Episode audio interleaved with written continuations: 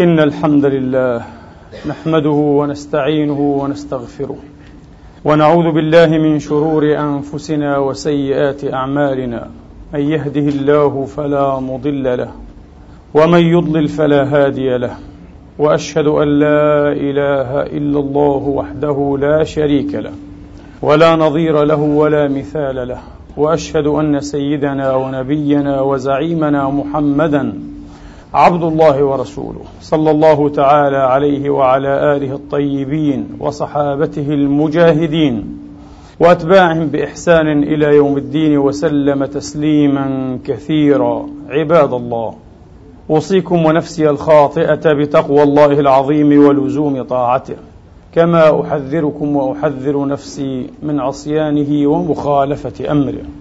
لقوله جل من قائل من عمل صالحا فلنفسه ومن أساء فعليها وما ربك بظلام للعبيد. ثم أما بعد أيها الإخوة المسلمون الأفاضل أيتها الأخوات المسلمات الفاضلات يقول المولى الجليل سبحانه وتعالى في محكم التنزيل بعد أن أعوذ بالله من الشيطان الرجيم. بسم الله الرحمن الرحيم. إن ينصركم الله فلا غالب لكم وإن يخذلكم فمن ذا الذي ينصركم من بعده. وعلى الله فليتوكل المؤمنون. بسم الله الرحمن الرحيم. إذا جاء نصر الله والفتح ورأيت الناس يدخلون في دين الله أفواجا. فسبح بحمد ربك واستغفره إنه كان توابا. صدق الله العظيم وبلغ رسوله الكريم ونحن على ذلك من الشاهدين. اللهم اجعلنا من شهداء الحق القائمين بالقسط. آمين اللهم آمين. أيها الإخوة الأماجد أيتها الأخوات الكريمات سلام الله عليكم ونصر الله عليكم وبركاته وكرامته وعزه لكم لقد جاء نصر الله كما وعد نصر الله اعزه الله وحفظه وصدقه الله وعده لأنه من الصادقين رضوان الله عليه قال نحن موعودون بالنصر وتحدى العالمين وتمالأ عليه العالمون وأبى الله إلا أن يجعل له فرجا ومخرجا وأن ينصره نصرا عزيزا ساحقا ماحقا. سحق الغطرسة الصهيونية ومحق الكبرياء والعربدة والعنجهية الإسرائيلية لأول مرة على هذا النحو وبهذه الطريقة. وقد قلنا أيها الإخوة والأخوات إننا نصدق هذا الصادق. وقد لاحت أمارات وعلائم صدقه. وإن امترى الممترون وإن شكك الذين في قلوبهم مرض الذين لم يريدوا أن ينحازوا إلى أمتهم في اللحظات الحرجة المفصلية وأثاروها نعرات طائفية ومذهبية أيها الإخوة. تخدم الاستعمار وأذناب الاستعمار ولم يكبر عليهم أن يروا أنفسهم في صف العدو. وبعد أن تحقق هذا النصر الساحق اللائح الماحق الذي اعترف به الأعداء حتى كلمة نصر لم ترد مرة واحدة على لسان المعثر المشؤوم أيها الإخوة أول مرة لم يتكلم في خطابه الأخير بكلمة نصر ولا في أي موضع لكنه قال في موضع واحد سننتصر في آخر خطابه. لأنه يفكر في أن يعيد الجولة. لا بأس وأن عدتم عاد الله عليكم بالذبح والتنكيل وإرغام الأنوف وتخييب الآمال وتنكيس الرايات إن شاء الله تبارك وتعالى. القوي العزيز الجبار القهار لا إله إلا هو. لقد وضع الله لقد وضع القدر بداية حد أيها الإخوة. لهذا العلو والإفساد والغطرسة والتأله في بلاد الله والظلم لعباد الله سبحانه وتعالى. إلا أن هناك أنفارا لا يزالون يمترون ويشككون وقالوها أيها الإخوة وقد استمعنا إلى كائن من هذه الكائنات في الجزيرة في الاتجاه المعاكس. استمعنا إلى كائن يزعم أيها الإخوة أننا خسرنا المعركة وصدق لا أقولها خطابة ولا مبالغة ولا إثارة. صدق. حين قال لقد خسرنا المعركة. تعلمون لماذا هو صادق؟ الصدق كله لأنه في المعسكر الآخر. وهو منذ البداية كان يراهن على المعسكر الآخر. مثله مثل الكبراء الصغراء عفوا. تماما. منذ البداية كانوا يراهنون على المعسكر الآخر. أنه سينتصر. لذلك خسروا. وهم يتكلمون دون أن يعوا ودون أن يشعروا أيها الإخوة بحقيقة انتمائهم. إنهم يفرغون وينطلقون من انتماءاتهم الحقيقية من تعاطفهم أيها الإخوة الوجداني المشاعري والعقلي الكلي مع العدو مع الآخر مع الوحش مع دراكولا أيها الإخوة مع المغول مع مصاصي الدماء البشرية مع قتلة الأطفال. يؤسفنا يؤسفنا أيها الإخوة كما في ملحمة جنين خرج أدباء ومفكرون من حملة نوبل أيها الإخوة على مستوى العالم. ليسوا من العرب من أمريكا اللاتينية من أسبانيا من غيرها أيها الإخوة ليقولوا كلمات صادقة وماضية كحد السيف تدين وترغم أيها الإخوة أنف هذا الغاصب الواغر الصهيوني ومن ورائه الراعية الكبرى أمريكا قالوها بوضوح وقبل أيام قالها أيضا أحد المفكرين والفلاسفة المشهورين على مستوى العالم. صاحب الرواية الفلسفية المشهورة صوفيا تكلم وكتب مقالة أرجو من كل واحد أن يقرأها. مقالة في منتهى الروعة أيها الإخوة من موقعه إلا أننا نتأخر. من يدعون أنهم مثقفون ومفكرون ومنظرون يجمجمون ويتأخرون ولا يزالون ممترين مشككين والعياذ بالله. إنهم على الأقل متصالحون مع أنفسهم لأنهم من المعسكر الآخر. وهم لا يؤيدون هذا النصر لا يحتفلون به نزل عليهم كالسم الزؤام كالعلقم في حلوقهم. الآن يعزي بعضهم بعضا. ما يحزن ويشجي الحلق أيها الإخوة أن هذه المجالس مجالس العزاء ربما تقام أيضا في مساجد لأن هناك مساجد بشرت بالهزيمة ودعت إلى الهزيمة وارتأت أن تقف أيضا مع الآخر شاءت أم أبت. الذين أثاروها نعراء طائفية وعلموا السائمة الاجتماعية التي تستمع إليهم الدواب أعني السوائم السائمة الاجتماعية التي تأتي وإن كانت ملتحية تستمع إليهم أنه لا يجوز أن ندعو لهؤلاء هؤلاء الآن في مجلس عزاء في بيوت الله برئ الله منهم برئت منهم بيوت الله دنسوها ونجسوها وحاشاها أيها الإخوة حاشاها هذا الدنس وحاشاها هذا النجس. أما الصغراء أيها الإخوة الزعماء الذين انشقت عقائرهم وهم يتلون علينا دروس الحكمة والواقعية ومراعاة موازين القوى وألبوا العدو علينا تأليبا واضحا من غير تردد. في أول أيام وساعات الحرب لقد خرسوا الآن. حين سن وشحذ هذا العدو أيها الإخوة سكاكينه لذبح الأطفال والعجزة النساء البراء أيدوه وأعطوه الضوء الأخضر بلغتهم التي لا نحبها ولا نستحسنها. وأما الآن وقد سحق المجاهدون رجال الله في جنوب الله هذا العدو المتغطرس الكافر المتوحش الدموي أيما سحق ومحقوه أيما محق. وهذه ليست مبالغات خطابية اقرأوا فقط إعلام العدو. حتى اقرأوا نيوزويك. أنا قرأت العدد الأخير. ست... العين بالعين مقالة العين بالعين. ستجدون ما يسركم. حتى الأمريكان يعرفون هذا. لقد سحقوا. وهم يتحدثون أيها الإخوة. وبشكل واضح أقولها عن جانب غير قابل للتفسير وغير قابل للفهم وبلغتهم عن جانب غير منظور. جانب لا يمكن أن يكمم. لا يمكن أن يعامل معاملة الماديات في هذه الحرب. العدو. لسنا نحن. حين تحدثنا عن ذلك ربما ضحك بعض الناس أيها الإخوة في جيوبهم وسخروا في بواطنهم دراويش لا يزالون يؤمنون بالغيب. طبعا. كفار نحن إن لم نؤمن بالغيب. كفار نحن إن لم نؤمن بأنه وما النصر إلا من عند الله. إن ينصركم الله فلا غالب لكم. كنا والله الذي لا إله إلا هو على يقين. بهذا النصر ومن هذا النصر بحمد الله منذ الساعات الأولى. شيء ألقاه الله في روع المؤمنين. ألقاه الله في روع المؤمنين من عباده أيها الإخوة.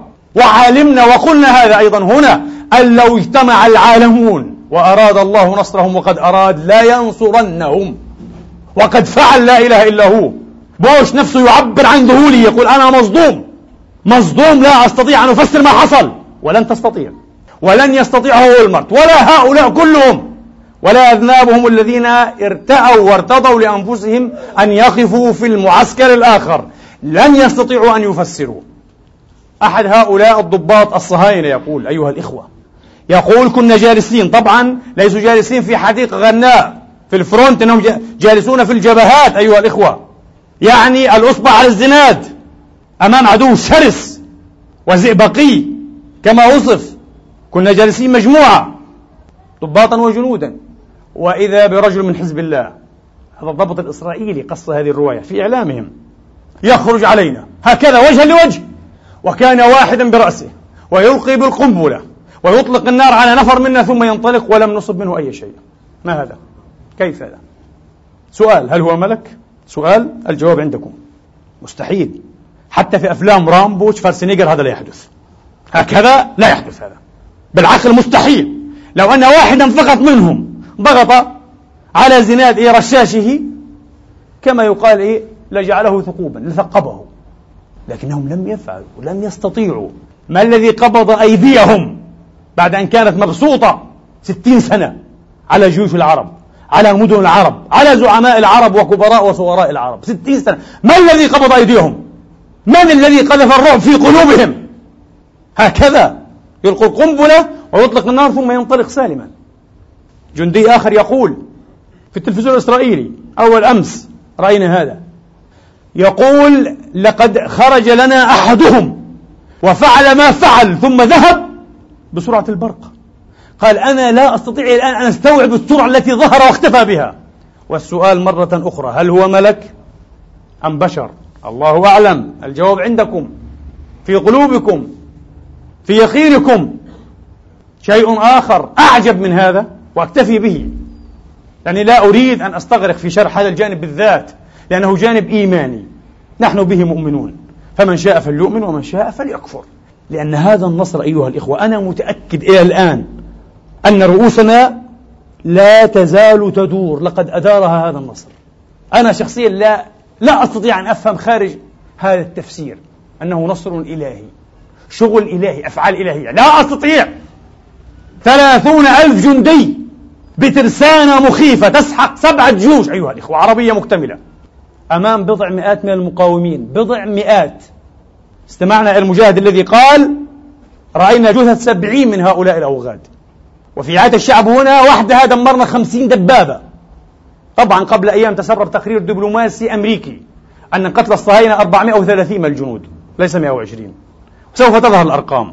والعجيب أنهم قالوا الجرحى حوالي 800 700 إيه؟ وسبعون أو تسعون. لماذا؟ لأنهم يريدون بعد ذلك أن يحولوا هؤلاء الجرحى إلى قتلى. حتى قال نعم بقي الجرحى هكذا والقتلى ارتفعوا إلى 430 أو 450 خسائر فادحة. قارنوها بخسائرهم في السبعة وستين. حزيران سبعة وستين. وقف الزعيم الراحل عبد الناصر غفر الله له ورحمه الله في نوفمبر سبعة وستين. ليقول لشعبه لقد تكبدنا خسائر فادحة لقد خسرنا في هذه الحرب في بحر ساعات معدودة ثمانين في المئة من معداتنا الحربية وخسرنا هذا لفظه بنصه وفصه وخسرنا ما هو أغلى وأفدح. وهذا تعبير خاطئ أغلى وأفدح أغلى نعم أفدح غير صحيح. المهم لكنه كان خطيبا كما يزعم خسرنا وهو أغلى وأفدح. كم؟ خمسة آلاف جندي قتيل بتعبيره أيضا. لا أدري لماذا قال قتيل. وألف وخمسمائة شهيد من الضباط. وخمسة آلاف أسير من الجنود. وخمسمائة أسير من الضباط. في أيام أيها الإخوة في أيام. وجاءت الشمطاء جولدا مائير من بعده لتعلق. اسمعوا إلى الهوان. وقالت من بين الثلاثين ألف جندي مصري الهائمين كالمجانين على وجوههم في رمال الصحراء الحارقة التقطنا. كما تلتقط الفئران أو الصراصير تقول لعنة الله عليه عنصرية. التقطنا. تقول كنا نستطيع أن نأخذهم كلهم أسرى لكن مسائل لوجستية يمكن. التقطنا خمسة آلاف نعم وقع في الأسر خمسة آلاف. التقطنا خمسة آلاف لنبادلهم بالأسير الإسرائيلي الوحيد لدى مصر. نعم. لأنهم chosen people آه. الشعب المختار. إنهم شعب الله المختار. خمسة آلاف مصري خمسة آلاف عربي خمسة آلاف من الجويين الأمميين لا يسوون حتى إيه؟ ظفر إسرائيلي واحد. قال التقطنا خمسة آلاف هكذا. أريد أن أقول هنا وأفتح مزدوجين كلمة أيها الإخوة والأخوات للمغفلين لمن لا يفهمون. أستغفر الله. لمن لا يحسون؟ لأن المسألة ليست مسألة فكر وعقل وفهم إنها مسألة إحساس تحسس أو تبلد. أن تمتلك جلدا بشريا بشرة إنسانية أو تمتلك أن يمتلك الأبعد. حاشاكم جلد حمار. وعاء جلد سميك. كائن يمارس من خلاله وظائف حيوانية متدنية من جنس الأكل والشرب والسفاد. إما أن تكون بشرا وإما أن تكون صاحب جلد سميك ثخين. كجلد الحمير والبغال أكرمكم الله البعيد. أريد أن أقول أيها الإخوة بين هذين المزدوجين تعلمون من هو الذي فرح حتى جن فرحا بهذا النصر؟ لقد جننا لقد ذهلنا لقد بكينا. ربما لا نبكي في حياتنا بكاء كما بكينا هذه الأيام بحمد الله تبارك وتعالى. شكرا لله. إنه بكاء الفرح. يا نصر الله نسأل الله تبارك وتعالى أن ينصرك وأن يوالي نصره عليك بمقدار ما فرحتنا فقد أحزنتهم. بمقدار ما أضحكتنا فقد غممتهم. بمقدار ما رفعت رؤوسنا أرغمت أنوفهم التراب. نسأل الله أن يوالي نصره عليك وإعزازه وتمكينه لك وأن يكثر في الأمة من أمثالك. لقد أشعرنا بمعاني الكرم والكرامة والعز والنخوة والشرف وأن نرفع رؤوسنا وإن رغم ثخناء الجلد. ثخينو الجلد. والإهاب أيها الإخوة الرغم أقول فرح ويفرح بهذا النصر إلى حد الجنون فرحا. من؟ البشر الآدميون الذين أمضهم الذين أحرقهم الذين عذبهم وذوبهم. الذل ومشاعر المهانة والغصص إزاء العربدة الإسرائيلية الغطرسة الصهيونية على مدى عقود. لقد كنا نحترق لقد كنا نذوب لقد كنا أقزاما نتقزم ساعة فساعة كل من كان يشعر بهذا لا بد أن يفرح بهذا النصر إذا جاء هذا النصر وقد جاء. لا بد أن يفرح. أما الذي كان بهيمة ثخين الإهاب والجلد يمارس حاجات حيوانية فقط لم يشعر يوما بأنه متألم لأمته بأنه مكروب بأنه محزون فهذا لم يفرح بهذا النصر. وعنده اللياقة والاستعداد أن يشكك في هذا النصر. أقول له لا بأس لا بأس. إن عندك استعدادا لشيء آخر أحقر وأزرى وأهبط. اقرأ تاريخ الاستعمار الإنجليزي في الهند.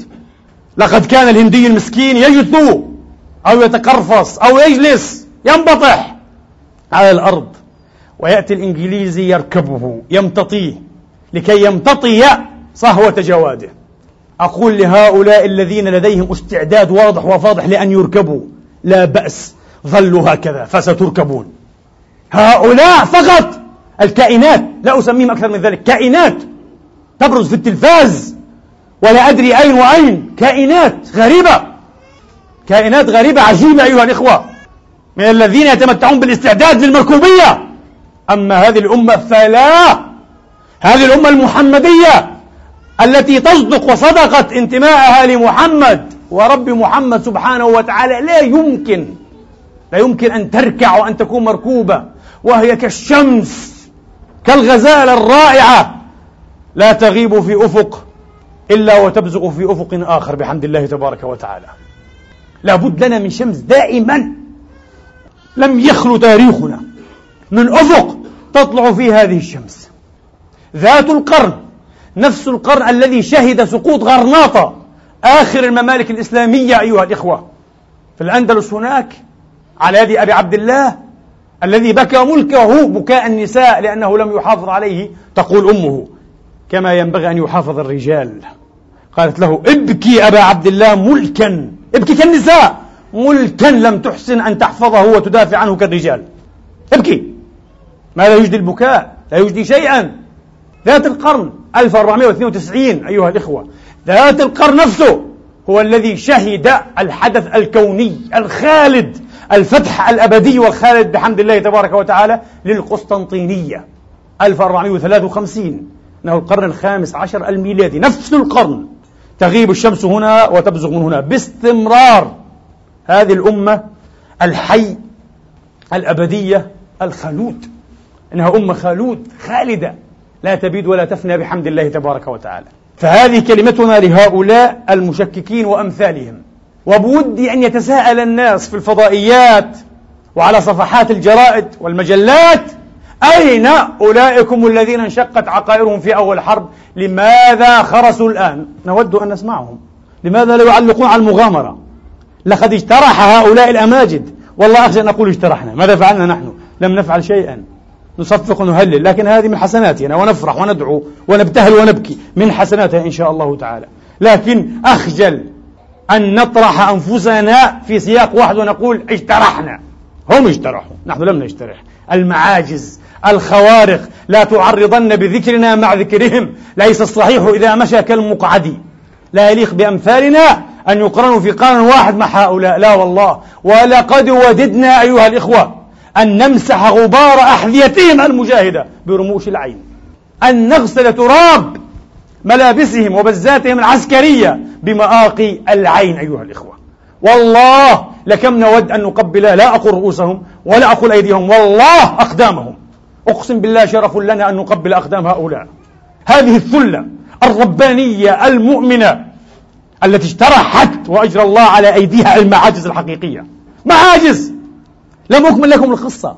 قال سبعين وخمسين دبابة دمرنا. قال كم كنتم؟ قال كنا خمسة عشر مجاهدا. تفضلوا. تفضلوا. أين حدث مثل هذا في التاريخ؟ أين حدث مثل هذا في تاريخ الدنيا إنه نصر إلهي موعود. قال نحن موعودون بالنصر والرجل يدري ماذا يقول. ما هي الرؤيا التي رآها؟ الله أعلم. موعودون بالنصر. يستحق الرجل قضى أيام الجهاد صائما كما سمعتم في الجزيرة وغيرها. كان صائما.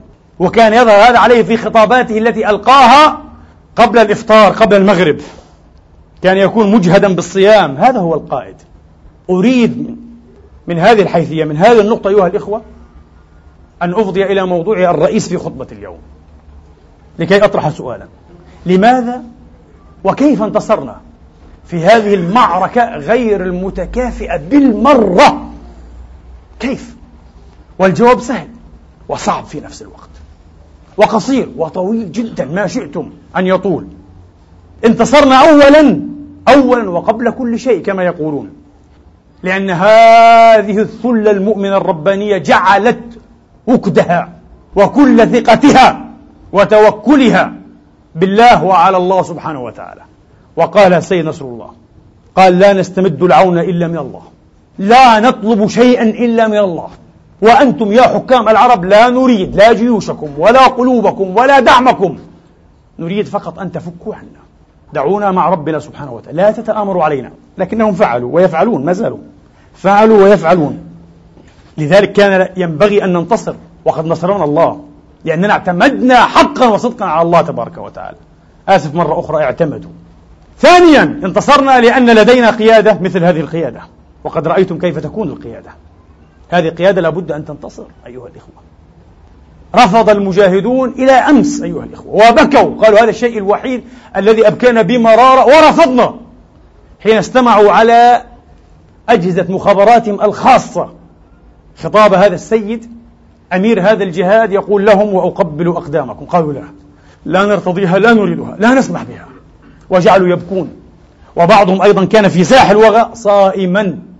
لم يفطر قبل أن يرفع أذان الله أكبر. لتغرب شمس صهيون وتشرق شمس المسلمين الموحدين بحمد الله تبارك وتعالى. إذا لأن لدينا مثل هؤلاء الجنود والمجاهدين من رجال الله. انتصرنا أيضا. رابعا انتصرنا لأن قضيتنا قضية الحق والحرية والعدالة. ولأن بالمقابل قضيتهم قضية الظلم والتوحش والغطرسة والكفر. في البلاد والعباد. انتصرنا لكل هذه المعاني أيها الأخوة. لكل هذه الأسباب. ولا جرم أن ننتصر. لكن أنا سأفصل في خطبة اليوم عنصرا واحدا من هذه العناصر. وهو من أخطرها إن لم يكن أخطرها بعد عنصر الإيمان. إنه عنصر القيادة. إنه عنصر القيادة. رأيتم هذا العميل أيها الإخوة. يسميه العرب الداسوس والجاسوس. الذي أكرم الصهاينة الذين ذبحوا أهله ودمروا حضارته وبلده أيها الإخوة وامتصوا دماء شعبه يضيفهم بالشاي والقهوة ومصور فيديو بحمد الله تبارك وتعالى. رأيتم هذا الجاسوس وأمثال هؤلاء؟ هذا هو قائد هذه القوات أيها الإخوة. كيف لو كان هذا قائد الجيش؟ هذا في اللحظة المناسبة سيسلم رقبة الجيش إلى العدو؟ تماما كما علق أحد كبار أدباء العرب. ولا أحب أن أذكر اسمه لكن ما قاله هو حق لأنني لا أحترم هذا الأديب حقيقة. لكن قال هنا الحق صدق وهو كذوب. قال ما حصل أن جيشنا تلقى أمرا بالهزيمة فانهزم. فقط هذا ما حصل. نشعر لأول مرة أيها الإخوة أننا نخوض حربنا مع هؤلاء الأوغاد كما ينبغي أن تخاض. لأول مرة في تاريخ حروبنا معهم. في الثلاث وسبعين نصف نصر. لماذا؟ لأن القاعدة لأن الجيش كان صادقا. صدق ربه صدق جهاده وبلاءه. أما القيادة فكانت أصغر من النصر. كانت تحتال وتمكر. وهي ما دخلت المعركة إلا مرغمة. لذلك تحول النصر العسكري إلى هزيمة سياسية لا نزال أيها الإخوة. نعاني عقابيلها ومرائرها إلى اليوم للأسف الشديد. فلم يكن نصرا كاملا كان نصف نصر. أما اليوم نصر حقيقي أيها الإخوة. نصر حقيقي. كما قلنا ساحق ماحق. بين قوتين غير متكافئتين بتة. لماذا؟ لأن القيادة صادقة والجندي أيضا صادق. هذا ما نريد أن نؤكد عليه اليوم أيها الإخوة. أهمية القيادة. أهمية الزعامة. بعض الناس لا يزال يعتب علينا وعلى أمثالنا. لماذا تنتقدون الزعماء؟ والمسكين لا يدري أنه يتوسل لغة لا يفهمها. بعد الحرب العالمية الأولى ضج الأديب والشاعر العالم الكبير ترانس إليوت تي إس إليوت. ضج. ووضع قصيدته الخالدة الأرض اليباب الأرض البور. واحتج صارخا بلغته الشعرية على أمراء الحرب والدمار.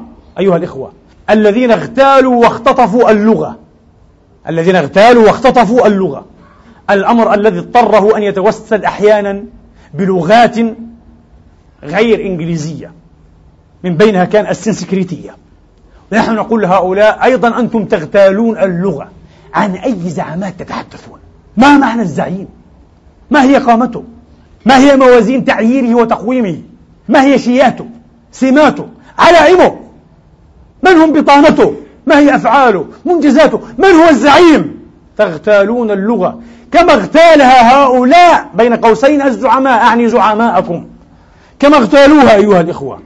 الذين لا يزالون يهرفون ويبدؤون ويعيدون أيها الإخوة في موضوعة السلام كخيار استراتيجي وحيد اغتيال للغة اغتصاب للغة هذا اختطاف للغة.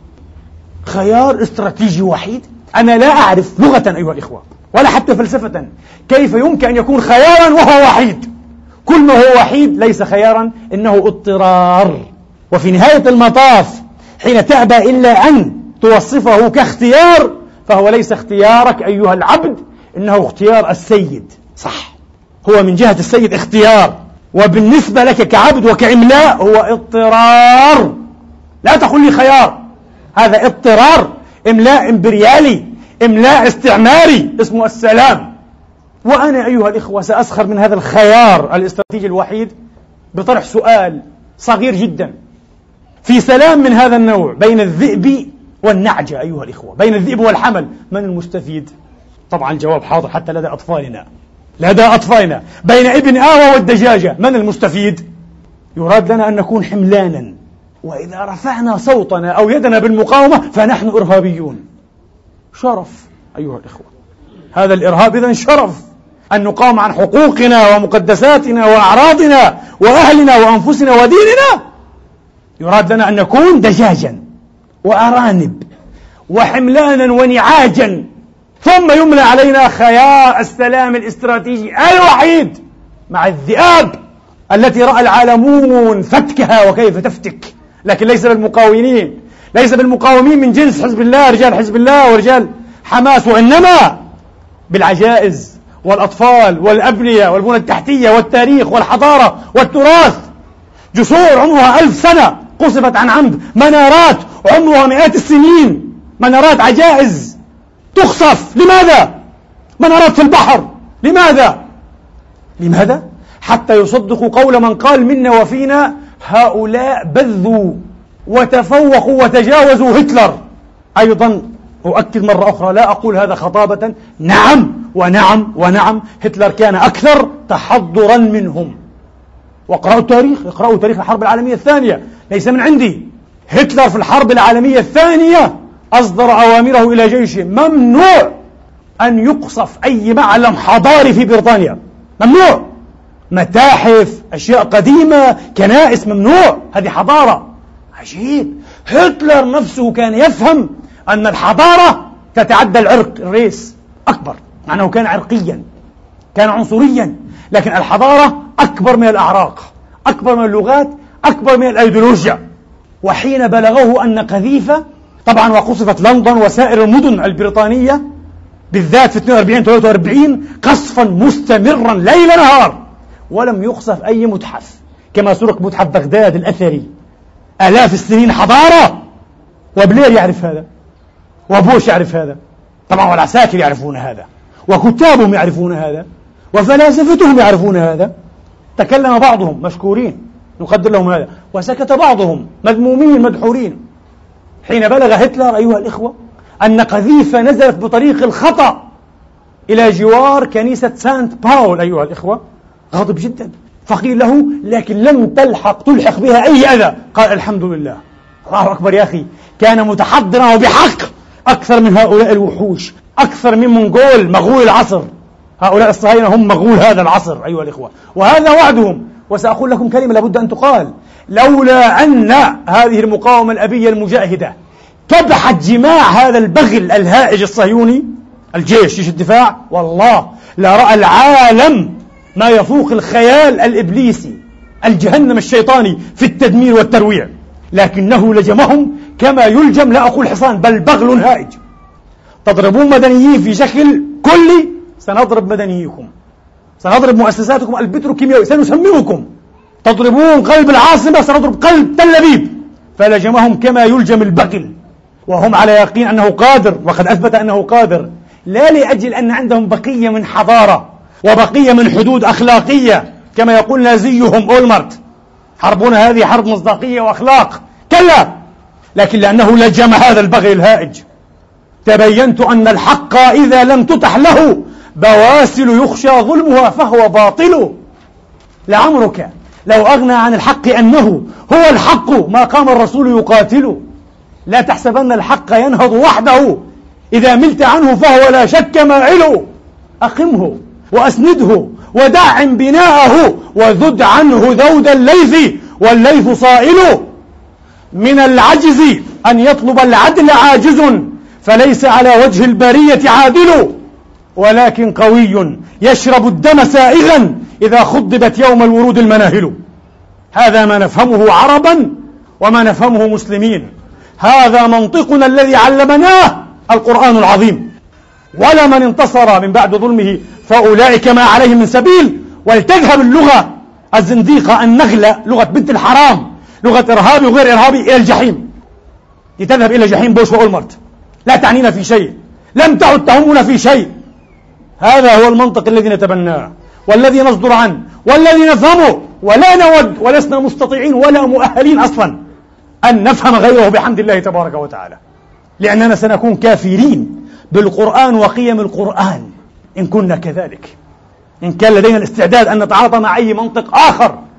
أيها الإخوة هكذا. اذا النازي كان أكثر أخلاقية وحضارة منهم. أنا أعرف أن بعض إخواني ربما الذين يتعاطون مع الأوساط الغربية يجد حرجا في هذا الكلام. لكن كونوا شجعانا واسألوهم عن هذا الشيء. قولوا قرأنا في المراجع أن هتلر كذا كذا. أحرجوهم. وقول لهم لكن هؤلاء قتلت الأطفال. كما قال إيه؟ هذا الفيلسوف الكبير صاحب صوفيا.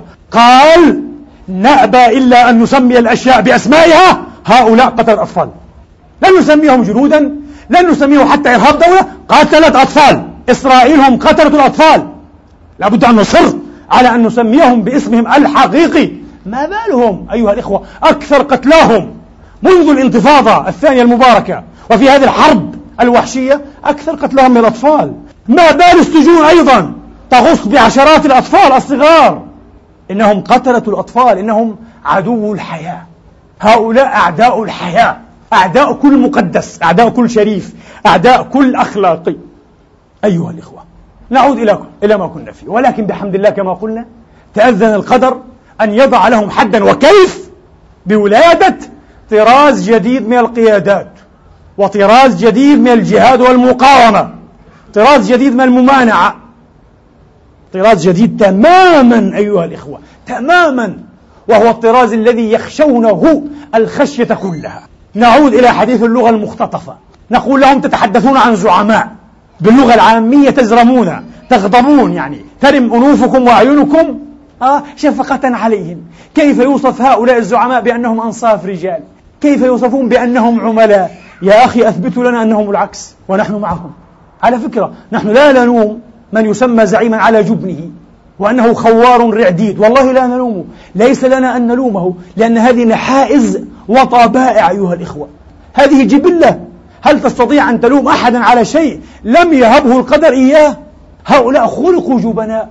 قلوبهم بين جناحي طائري أيها الإخوة بين جناحي حمامة. لا نلومهم. لماذا نلومهم؟ ليس لنا أن نلومهم. ولكن نقول لهم معاشر الجبناء تأخروا أو ستؤخرون. بأي أسلوب كان لكي يتقدم الشجعان المغامرون ليطلعوا بدورهم وبأداء رسالتهم لهذه الأمة للتاريخ لله وللتاريخ وللأمة تأخروا. هذا الذي نقول هؤلاء أيها الإخوة ولمن يغضبون وترم أنوفهم من أجلهم؟ هذه واحدة. الشيء الثاني أيها الإخوة سأقص عليكم فصلا حزينا وعجيبا. والله لا يقضى منه العجب أيها الإخوة. وكما أقول دائما للأسف تاريخ خيبتنا تاريخ الخيبة لا أتحدث عن تاريخ العز والنصر. تاريخ العز والنصر أيها الإخوة متقطع. تاريخ عزنا ونصرنا متقطع. فصول أيها الإخوة تلتئم في كتاب صغير للأسف. أما تاريخ الخيبات والهزائم والمؤامرات والممالآت فمجلدات ضخمة. معظم التاريخ للأسف الشديد تاريخ متصل. قرأت في مذكرات رجل أيها الإخوة كان مقربا جدا إلى الزعيم. لن أذكر اسم الزعيم لكن الذي قرأ السياسة وتاريخ السياسة وتاريخ الثورات يعرف من هو هذا الزعيم. وهذا مكتوب والذي كتبه رجل من الحلقة الضيقة من البطانة من الحاشية المقربة جدا. كان رئيس محكمة الثورة في وقته. هذا كان رئيس محكمة الثورة. كتب شيئا عجيبا. قال أشهد الله على أن الزعيم اعترف لنا وكان هو وغيره موجودين. وسكتوا أيدوا. أنه هو الذي في فراش مرضه. قال لما كان في فراش مرضه اعترف لنا أنه هو الذي كان وراء تدبير حوادث التفجير الستة في البلد. طبعا نسبت إلى الجماعة الفلانية والحزب العلاني. من أجل ماذا؟ من أجل أن يكسب معركته على السلطة على رأس هرم السلطة مع زعيم آخر ارتضاه الشعب. وانحاز هذا الزعيم إلى الدستور. وإلى الديمقراطية وإلى الحريات والشعب ارتضاه. وحين حاول انقلابه الأول عليه وقف الشعب إلى جانب صاحب الدستور والحريات وأسقط في يد عاشق السلطة الولهان. لكنه أعاد الكرة بهذا الأسلوب الخبيث أسلوب أمريكاني.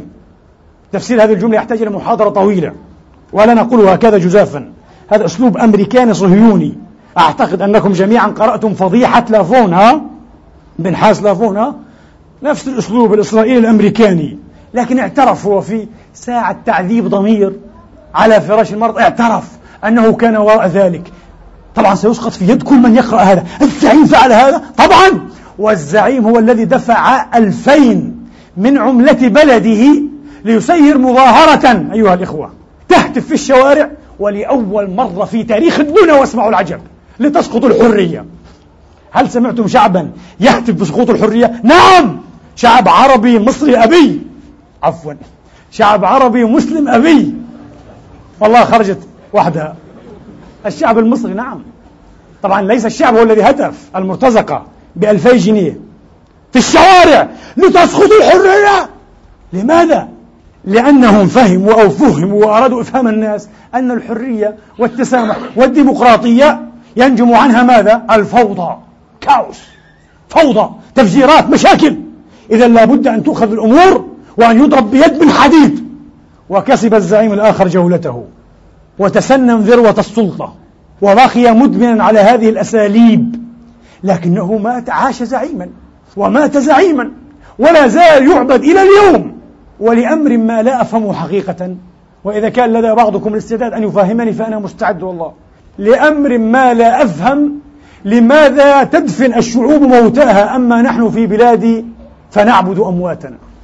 ينبغي من مات من أمثال هؤلاء أن يدفن وأن يهال عليه التراب وانتهى نقطة وسطر جديد.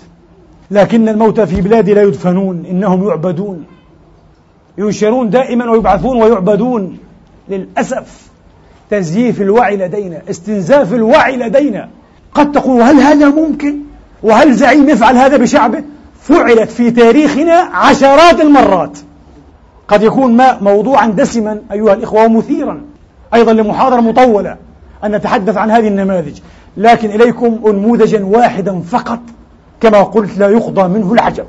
حكاه أبو الحسن علي ابن مسكوي في تجارب الأمم وتعاقب الهمم. الكتاب الذي أرخ فيه لفترة انحدار الخلافة العباسية. اسمعوا العجب بالله. قال تولى على بغداد رجل بويهي من بني بويه. كان لا يخشى العار.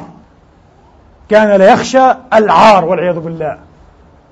أشبه بالدعار. لا حياء لديه نهاب. أيها الإخوة. لكنه ليس وهابا. سلاب نهاب وليس بوهاب. لص كبير. هذا الوالي. هذا كل أمور بغداد في يده في قبضته من بني بوي. طيب كثيرون أمثال هذا. القزم. لكن العجب. أنه كان في تلكم الفترة في بغداد جماعات من قطاع الطرق يسمون العيارين الشطار والعيارين آه سلابين نهابين قتلة. يخيفون الناس اضطرب حبل الأمن بأفعالهم وبوائقهم وجرائمهم. أخافوا الناس وأرهبوهم وسلبوهم حيواتهم وأموالهم. وكان لهم كبير طبعا بالطبع. فجاء هذا البويهي حاكم بغداد وعقد صفقة أقنع حاشيته بها. اسمعوا بالله. قال لهم آمنوا للبلاد وأحفظ للحياة والأموال والأعراض أن نولي هذا الشاطر العيار الكبير المجرم اللص الكبير أن نوليه شرطة بغداد. يصبح هو إيه؟ أعلى شيء في جهاز الأمن. هو هذا. قالوا لماذا؟ قال خلاص حين نوليه هذا هو يستطيع أن يضبط الأمن بنفسه. ويأخذ كفايته يسرق من أموال الدولة وكذا كفايته ولكن ينضبط الأمر لأنه يعلم عصابته وأفراد عصابته. شيء عجيب جدا. سنعود إلى تحليل هذا المنطق لأنه لا يزال يتكرر. هل استمعتم إلى الزعيم العربي أيضا الذي صار إلى رحمة الله رحمة الله عليه وغفر الله له الذي قال في التلفزيون في التلفزيون. كلنا سمعنا وقد شكى الناس إليه لصوصية المحيطين به. قالوا هؤلاء أكلوا كل شيء وليس لدينا الخبز الحاف. كل شيء نهب. فقال لهم ماذا أفعل؟ ليس في يدي حيلة. ليس بيدي حيلة ماذا أفعل؟ أنا أعلم والله أنهم لصوص وأنهم صراخ لكن ما أعلمه أيضا أنني لو أقصيتهم وأتيت بغيرهم لبدأوا مشوار السرقة منذ البداية فتكون كارثة أعظم عليكم. واقتنع الناس تماما. اقتنع الناس كما اقتنع الشعب المصري لتسقط الحرية ودخلوا على رئيس مجلس الدولة العلامة اللوذعي أكبر عقلية قانونية في القرن العشرين. عبد الرزاق السنهوري وضرب عبد الرزاق علقة من اللي هي كما يقال. حتى أصيب بنوع من الشلل بعدها المسكين. بال... نعم. يقول الدكتور نعم ضرب إيه؟ بالصرامي بالجزم. ضرب بالأحذية على رأسه. عبد الرزاق السنهوري. لأنه كان منحازا إلى محمد نجيب رحمة الله عليه إلى الدستور. عبد الرزاق السنهوري أبو القانون المدني العربي أعظم عقلية قانونية على الإطلاق في العالم العربي. ضرب بالجزم على رأسه.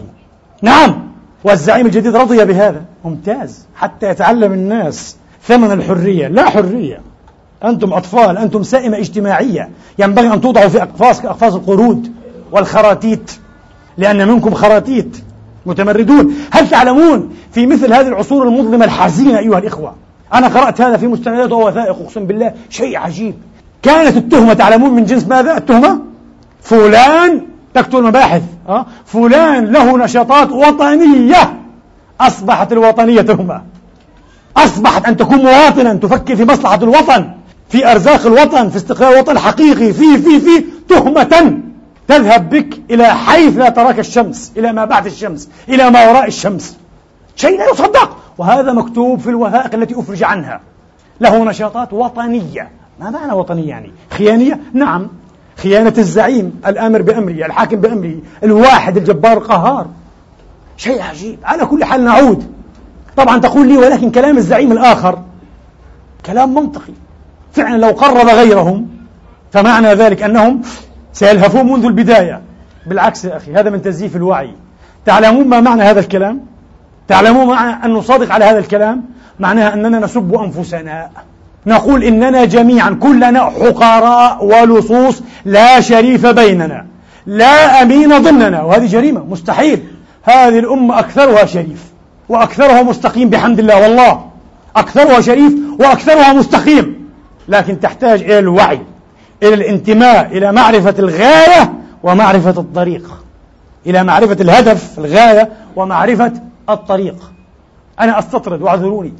أحب هنا أن أبشركم فقط بشيء واحد حتى لا أنسى. من هذا المسجد المبارك أيها الإخوة قبل يومين وصلت قافلة من سوريا اشترت بأموالكم بارك الله فيكم وأخلف الله عليكم خيرا. دعما لإخوانكم وأهلكم وشرفائكم في لبنان أيها الإخوة. الذين دفعوا ثمن هذا النصر المجيد ثمن هذا النصر المعز المتألق أيها الإخوة. وقافلتكم قافلة هذا المسجد وحده تتكون من شاحنتين طويلتين كبيرتين. أما مجموع القافلة النمساوية من مسلمي النمسا جميعا بارك الله فيهم وبارك عليهم ولهم فهي عشرة عشر شاحنات كبيرة. انتبهوا تقولون هذا شيء طبيعي يعني شو؟ لا ليس طبيعيا. تعلمون لماذا؟ السفير النمساوي كان فيها ومفتي الجمهورية السورية وكان السفير رافعا رأسه وقالوا أعظم قافلة وأطول قافلة إلى الآن تدخل لبنان. عشر شاحنات دول نفطية عربية كبرى لن أسميها. هيئاتها التعاونية الخيرية بعثت بشاحنتين. شاحنتان! نحن هنا آلاف بعثنا عشر شاحنات. هم ملايين بعثوا شاحنتين. أول ما وصل منهم شاحنتان. أول ما وصل منكم عشر شاحنات. هذا ما يفعله الوعي. هذا ما يفعله الانتباه. هذا ما يفعله التحسس بالأمة بالمسؤولية بالعبء فليبكي على نفسه كل من لم يساهم وكل من قبض يده. ستقبض عنك رحمة الله. سيقبض عنك رزق الله. سيقبض عنك عطاء الله في الدنيا والآخرة يا مسكين فاستدرك نفسك. بعض الناس يفرح ويطير لأن غيره يدفع وهو داخل في المرقة كما يقولون. بالعكس ابكي على نفسك يا مسكين. ضاعت عليك الفرصة. وهذه فرصة تتكرر كل يوم. لا تتكرر. هذا ما يفعله الوعي بحمد الله تبارك وتعالى. وانظروا. اسمعوا الآن بقية القصة. قصة البويهي. وهكذا كان. صار رئيس اللصوص والسراق واسمه حمدي بفتحتين. حمدي. صار حمدي هو رئيس شرطة بغداد. إذا حاميها حرميها بالضبط هذه حاميها حرميها فكيف إذا الرعاة لها ذئاب فكيف إذا الرعاة؟ لها ذئاب صار حمدي رئيس الشرطة وهو في نفس الوقت رئيس. وهنا ظهر أيها الإخوة حقيقة مخطط البويهي كان حمدي طبعا الآن استشرى نشاطه. لماذا؟ لأنه رئيس الشرطة. فزاد السلب والنهب والاغتصاب للأعراض زادت المشاكل زادت الفوضى اضطرب الأمر زيادة. ولكن كان جزء مما يسلب يعطى لمن؟ لحاكم بغداد. للبويه الداعر الخائن. حب المال وحب السلطة حب الفخفخة والرفاهية. اكسترافاجنسي ها؟ الزيادة عن اللزوم يعني. قلت قبل يومين لأحد إخواني قلت تنظر إلى هذا نصر الله وحتى إلى أحمد نجاد وأمثال هؤلاء؟ نعم هؤلاء قيادات يصلحون ونشعر من كل قلوبنا أننا نريد قيادات بهذا الطراز. تعلمون لماذا؟ لا يلبسون لباسا لا يصنع إلا في باريس كالسادات. السادات كان يفتخر أن لباسه لا يصنع إلا في باريس. حذاءه مش عارف من وين إيطالي. ال pipe تبعه إنجليزي pipe. نظارات سود شمسية. كلاب كان عنده كلبان كبيران يخيفان محمد حسنين هيكل. حين يأتي في البداية لما كان في يعني إيه سمن وعسل. كلاب إيه كلاب قال نظارات شمسية أو pipe. ما ليسوا منا. لا لا لا. لا نريد زعامات كهذا لا لا. نريد زعامات نعم معممة. ملتحية لا بأس. وحتى غير معممة. ها؟ نريد زعامات أيها الإخوة من تراثنا. تمثل اتصالا بخط التراث بخط الأمة بروح الأمة بنبض الأمة بلغة الأمة. وستكون زعامات نزيهة ونظيفة ظاهرا وباطنا كما ترون الآن. وهذا سر هذا التلاحم العجيب الإعجازي بين القاعدة وبين القيادة القمة. فكان يعطى أيها الإخوة شطر هذه الغنائم للبويهي القصة الآن عادية وتتكرر. اسمعوا الجزء غير العادي فيها. إلى أن كان ذات يوم من الأيام وخرجت لطيفة. من هي لطيفة؟ إنها أخت الحاكم البويهي. في جوار ووصيفات لها إلى الحمام العام حمام النساء. ويبدو أنهن قد تأخرن حتى غابت الشمس. فلما خرجنا في الليل كبسهن اللصوص وهم لا يعلمون من هن. أخذن جميعا سبايا. في بغداد هذه. وتسألون لماذا سقطت بغداد بعد ذلك؟ كان ينبغي أن تسقط. كان لابد أن تسقط. دولة مثل هذه لابد أن تسقط. هذا كلام فارغ. كما هي الآن عواصمنا إذا بقيت كما هي عليها لابد أن تسقط. انتبهوا ستسقط حتما إذا بقيت هكذا. قبل أربعة أيام قرأت عن عودة لعباد الشيطان في إحدى العواصم العربية الكبرى. ولعلكم قرأتم معي. عودة إلى الأحفال والموسيقى والطقوس تحت عباد الشيطان. شبابنا يعبدون الشيطان. شبابنا يركب ذكورهم ذكورهم. شيء عجيب. مشاعية جنسية يحدث هذا لشبابنا ثم يقال لا لا لا. لا نريد أن تدخلوا الدين في السياسة. لا نريد للمتدينين أن يتسلموا الحكم. تريدون لكم أنتم أن تتسلموا الحكم. هذه النهاية. عبادة الشيطان لعنة الله تعالى عليكم. لعنة الله تعالى عليكم. زنا المحارم لعنة الله عليكم. الشذوذ واللواط كل أنواع الشذوذ لعنة الله عليكم. صدقوني يا إخواني. قد كان يمكن لشباب حماس وشباب حزب الله والمقاومة في أفغانستان وبغداد وفي كل مكان في العراق أعني كان والله يمكن لهم أيضا أن يكونوا عبادا للشيطان وعبادا للفروج وعبادا للشهوات. ماذا؟ لو لم يجدوا مشروعا شريفا مشروع مقاومة مشروع علمي مشروع نهضوي يتبناهم ويصهرهم ويذيب طاقاتهم. لماذا صار شبابنا هنا وهناك عبادا للشيطان وللشهوات ومدمنين مخدرات؟ لماذا؟ لأنهم فقدوا المشروع فقدوا البوصلة فقدوا الطريق فقدوا الغاية فتاهوا. هذا ما يريده حكامنا العلمانيون طبعا. وهذا ما يراد لنا. هذا ما تخطط له أمريكا وإسرائيل وبريطانيا. وهؤلاء المتوحشون تماما. يهاد لنا هكذا أن نكون لكن بإذن الله لن نكون. المهم خرجت فكبسها اللصوص. كبسوا لطيفة مع جواريها وقسمنا في اللصوص أيها الإخوة. وكانت المسكينة لطيفة أخت الحاكم الوالي كانت من نصيب أحد هؤلاء وكان داعرا والعياذ بالله منه. كان يرغمها على أن تنزل في بيوت البغايا وترفض المسكينة وتأبى. مستحيل. أخت الوالي هي. كيف تنزل مع البغايا؟ لسه هذه خطوة أولى على الطريق. قصة عجيبة محيرة لها تمثلاتها في دنيانا اليوم في بلادنا اليوم في عواصمنا اليوم بصورة أو بأخرى. وسمع ألبويه الحاكم بالقصة فطلب من حمدي أن يعيد إليه وعلى الفور أخته فحاول لكنه فشل. قال لم أستطع. ليس في إمكاني أن أعيدها. مصيبة. وبعد ذلك أيها الإخوة أعلن ألبويه لعان الله عليه متتابع ليوم الدين أن أخته لطيفة لم تخطف وأنها مصونة في الحفظ والصون وهي في قصره. بالعكس قال لا. لماذا؟ عشان السمعة. من أجل سمعته حتى لو قال أخت الوالي في دور البغاء. فلما سمعت المسكينة وكانت شريفة. لكن خانها شرفها. خانها صبرها. خانتها تربيتها للأسف. خانها أصلها. يبدو أن أصلها خسيس كأخيها أيضا. هذا البويهي لما سمعت بهذا طارت شق منها في السماء وشق في الأرض.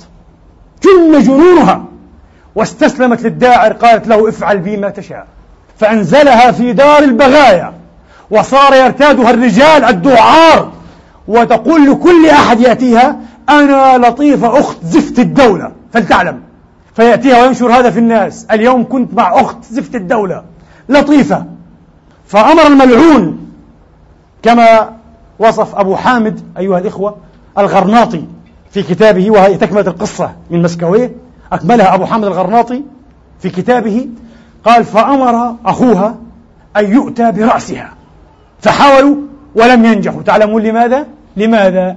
لأن سائر البغايا والعياذ بالله رأينا أنها لأجل قولها أنا أخت زفت الدولة أنا لطيفة أخت زفت الدولة يأتيها الرجال ويدفعون إيه؟ المثاقيل من الأموال. فصارت كل بغي والعياذ بالله تقول أنا لطيفة أخت زفت الدولة. كل بغي. فلما أرادوا قتلها كل البغايا هن أي لطيفات وهن أخوات زفت الدولة. يقول أبو حامد الغرناطي فكان كل داعر وكل فاسق يزعم أنه أصاب عرض أو من عرض أخت زفت الدولة بالاسم أو بالوهم وإنا لله وإنا إليه راجعون. هذا ما يفعله ماذا أيها الإخوة؟ عشق السلطة. هذا ما تفعله خيانة الأمانات. أعظم الأمانات بعد أمانة الإيمان هي أمانة الأمة. أمانة أن تقود هذه الأمة حتى لو قدت عشر أو عشرين كما روى الحاكم في مستدركه من أمر رجلا على عشرة وهو يعلم أن فيهم من هو أرضى لله منه فقد خان الله ورسوله وجماعة المؤمنين. أعظم خيانة أن يتولى أمر جماعة من المسلمين رجل وهناك من هو أرضى لله فكيف إذا كان هو أعرق الجميع في الخيانة؟ أعرق الجميع في الدعارة والعياذ بالله أعرق الجميع في السفالة. أيها الإخوة أحب أن ألخص بجملتين درس اليوم. الدرس الذي ينبغي أن نقف معه جيدا على هذه الأمة. وقلت هذا قبلا وهذا هو درس على فكرة درس النصر. في نظري هذا أعظم درس من دروس النصر وأول درس على هذه الأمة أن تفكر ألف مرة قبل أن تسلم قيادها وتلقي مقادتها إلى يد زعيم كما يقال. لا فكري ألف مرة مليون مرة وأحسني اختيار هذا الزعيم. أحسني اختيار هذا الأمين الصادق الأمين وإلا فإنه سيهوي بك من حالق. ستشرع أبواب الكوارث والمصائب أيها الإخوة على مصاريعها. سنهوي في هو ليس لها قرار. هذا ما حصل وللأسف لا يزال يحصل معنا إلى اليوم. من قرأ منكم كتاب الموظف الاستخباراتي في السي آي اي في الخمسينيات في مصر مايلز كوبلاند وهو ليس عميلا ليس agent ليس عميلا كان موظفا كبيرا ومخططا لشؤون استراتيجية في الخارجية الأمريكية. مايلز كوبلاند. كتابه The Game of the Nations لعبة الأمم. كتاب خطير. طبعا هناك من يحاول يشكك فيه قضية طويلة. الكتاب وثائقي. وهناك آلاف القراء والأدلة تؤكد أكثر ما ورد فيه. مش الكتاب نفسه قراء وأدلة أخرى. أفرج عن بعضها وبعضها لا يزال سجينا حبيسا. هذا الرجل قال أيها الإخوة انتظروا. تأملوا ماذا تريد أمريكا منذ الخمسينيات. قال خطتنا في الشرق الأوسط أن نلقى قائدا زعيما من طراز خاص. ما هو هذا الطراز يا كوبلاند؟ يا CIA قال أهم صفة فيه أول صفة هو أن يكون عاشقا للسلطة. الآن فهمنا لماذا حرج ولماذا أكد النبي المصطفى صلوات الله عليه وآله وأصحابه في عشرات المناسبات والمواضع على أن هذا الأمر لا يعطى لمن طلبه.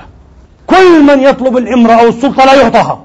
كل من نؤنس منه أنه يتشوف إليها ويشرب بعنقه إليها لا يعطاها. النبي علمنا هذا. لكننا لم نفعل نفعل العكس تماما. نلقي بالقلادة والمقادة إلى الذين أسكرهم عشق السلطة وعشق السلطان أيها الإخوة. مجانين. نريد أصناما. رحمة الله على مالك بن نبي الذي قال قال الأمم الأمم تصنع زعماءها أما نحن فنعبد أصناما.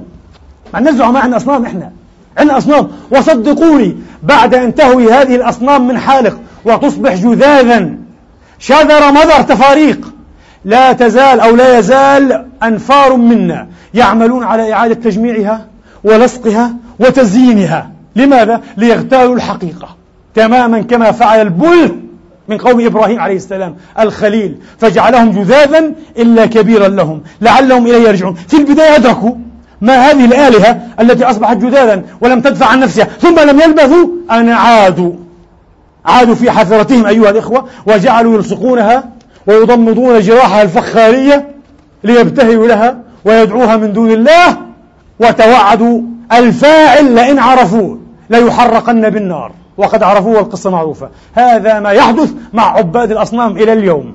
ليست الأصنام الفخارية الأصنام الطينية من المسمين بالزعماء أيها الإخوة. للأسف الشديد النبي قال لا كل من طلب الإمارة لا يعطاها. انتبه ومن أخذها ونفسه مستشرفة لها وكل إليها لا يعان عليها ولن يمشي في ركابه إلا الهزيمة. أما من يولاها على الرغم من وعلى كره من غير استشراف من غير محبة وهو قادر وأمين وصادق سيعان عليها بإذن الله. هكذا هذا منطق الدين هذه السياسة الحقة التي يفهمها الأمريكان حتى بعض الفهم. كوبلاند قال هذا ما نريده زعيم يعشق السلطة لماذا يا كوبلاند؟ قال لأن مثل هذا الزعيم يستطيع أن يتخذ قرارا من جنس ماذا ما؟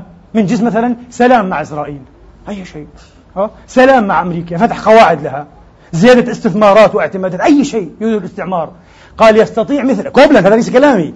قال يستطيع مثل هذا القائد الفذ الزعيم الأوحد أن يتخذ قرارا غير شعبي غير برلماني غير شرعي من عندي. هذه نفس اللغة التي تحدث بها هنري كيسنجر. قال السياسة في الشرق الأوسط هي سياسة الشيخ والبازار. تيجي على السوق سوق الشرق الأوسط سوق. وبتشوف البضاعة اللي بدك إياها والأشياء وبتساوم. وبعدين تتكلم مع مين؟ مش مع صاحب البضاعة بغلبك هذا بده يكسب. صح؟ الشعوب بتحب تكسب دائما. لا تتكلم مع شيخ البازار. تعطيه شيء في جيبه بعطيك اللي بدك إياه بأبخس الأثمان والسلام عليكم ورحمة الله. هذا مش كلامي كلام هنري كيسنجر الشيخ والبازار. نفس الكلام في the Game of the Nations صيد أو لعبة الأمم لأنه كلمة حتى game بالإنجليزي معناها الصيد كمان. كيف بصطادوا الأمم بصطادوا الزعماء. صيد الأمم أو لعبة الأمم. لعبة الأمم. قال مايلز كوبلاند أيها الإخوة قال وتحدث بالتفصيل كيف دبروا في سوريا انقلاب انقلاب حسن الزعيم الذي قتله الحناوي في انقلابه وهكذا. سلسلة. قال هذا حسن الزعيم ظننا لأول وهلة أن عنده عشق السلطة. لذلك أتينا به فعلا قتله الجيش جيشه قتله بعد فترة. طبعا هذا مكث إيه؟ في السلطة حوالي 110 أيام حسن الزعيم. مباشرة وافق أيها الإخوة على أن يعقد معاهدات سلام مع إسرائيل بينه وبين الأمريكان. ما فيش أي مشكلة. أه؟ مباشرة وافق على أن يمدد الأمريكان خط للنفط خاصا بهم حتى يقطعوا إيه؟ على الإنجليز خطهم. تبع قناة السويس. Tapline ها؟ Tapline line شركة Tapline هذه. Tapline line وافق. أشياء فظيعة في ثلاثة أشهر. ممتاز هذا. لكن قالوا اكتشفنا بعد ذلك أنه ليس الزعيم الذي نريد. لماذا؟ قالوا كان تافها. يحب السلطة بتفاهة. كان يكفيه منا. إذا دخلنا عليه أو دخل علينا أن نقوم له ونقول له سعادتك. هذا الذي يريده. أن يقوم له الناس يضربوه تحية سعادتك. قال كنا نريد زعيما أقل تفاهة. يحب السلطة حقا لا يحب النساء ولا الخمور ولا الأموال لكن يحب السلطة. ويرى أنه هو الشعب والشعب هو بل يرى نفسه أكبر من الشعب. هناك زعماء زعموا في البداية أنهم يدلون شعوبهم على الطريق. بعد أن أصابوا نجاحا نسبيا زعموا أنهم الطريق. بعد أن كرسوا أيها الإخوة زعماء عالميين في مؤتمرات عالمية عادوا وقالوا شعوبهم نحن الطريق ونحن القادة ونحن الغاية. إحنا كمان الهدف. كل رجل يرى نفسه أنه فوق أمته. أو يساويها ليس زعيما بل دكتاتور حري بالشعوب أن تقلم أظفاره قبل أن تستحيل هذه الأظفار إلى حفارات قبور. لهذا الشعب وليس لعدو الشعب. أقول قولي هذا وأستغفر الله لي ولكم.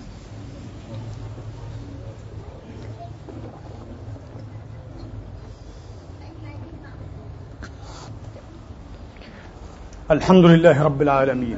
الحمد لله والعاقبة للمتقين ولا عدوان إلا على الظالمين. وأشهد أن لا إله إلا الله وحده لا شريك له الملك الحق المبين وأشهد أن سيدنا محمدا عبد الله ورسوله الصادق الوعد الأمين صلى الله تعالى عليه وعلى آله الطيبين وصحابته الميامين المجاهدين واتباع بإحسان إلى يوم الدين. اللهم إنا نسألك في يومنا هذا في ساعتنا هذه في مقامنا هذا أن تلهمنا رشدنا. وأن تعيذنا من شر أنفسنا. اللهم ونسألك أن تصلحنا وتصلح بنا وأن تهدينا وتهدي بنا وأن تنفعنا وتنفع بنا. اللهم إنا نسألك أن تزيدنا ولا تنقصنا، اللهم زدنا ولا تنقصنا، اللهم أكرمنا ولا تهنا، أعطنا ولا تحرمنا، وارض عنا وأرضنا، اللهم انصرنا ولا تنصر علينا، وخذل عنا ولا تخذلنا إلهنا ومولانا رب العالمين. بلغنا مما يرضيك آمالنا، واختم بالباقيات الصالحات أعمالنا، وبالسعادة آجالنا، وتوفنا وأنت راض عنا. اللهم إنا نسألك أن تنصر الإسلام وأن تعز المسلمين، وأن تعلي بفضلك كلمتي الحق والدين. اللهم انصر من نصر المسلمين، واخذل من خذل الموحدين. إلهنا ومولانا رب العالمين. اللهم ونسألك ونبتهل إليك أن تحقن دماء المسلمين في كل مكان يا رب العالمين. اللهم أنزل عليهم السكينة والروح والإيمان. اللهم أصلح ذات بينهم. اللهم ألف بين قلوبهم.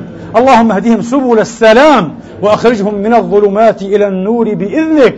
إلهنا ومولانا رب العالمين. عباد الله إن الله يأمر بالعدل والإحسان وإيتاء ذي القربى.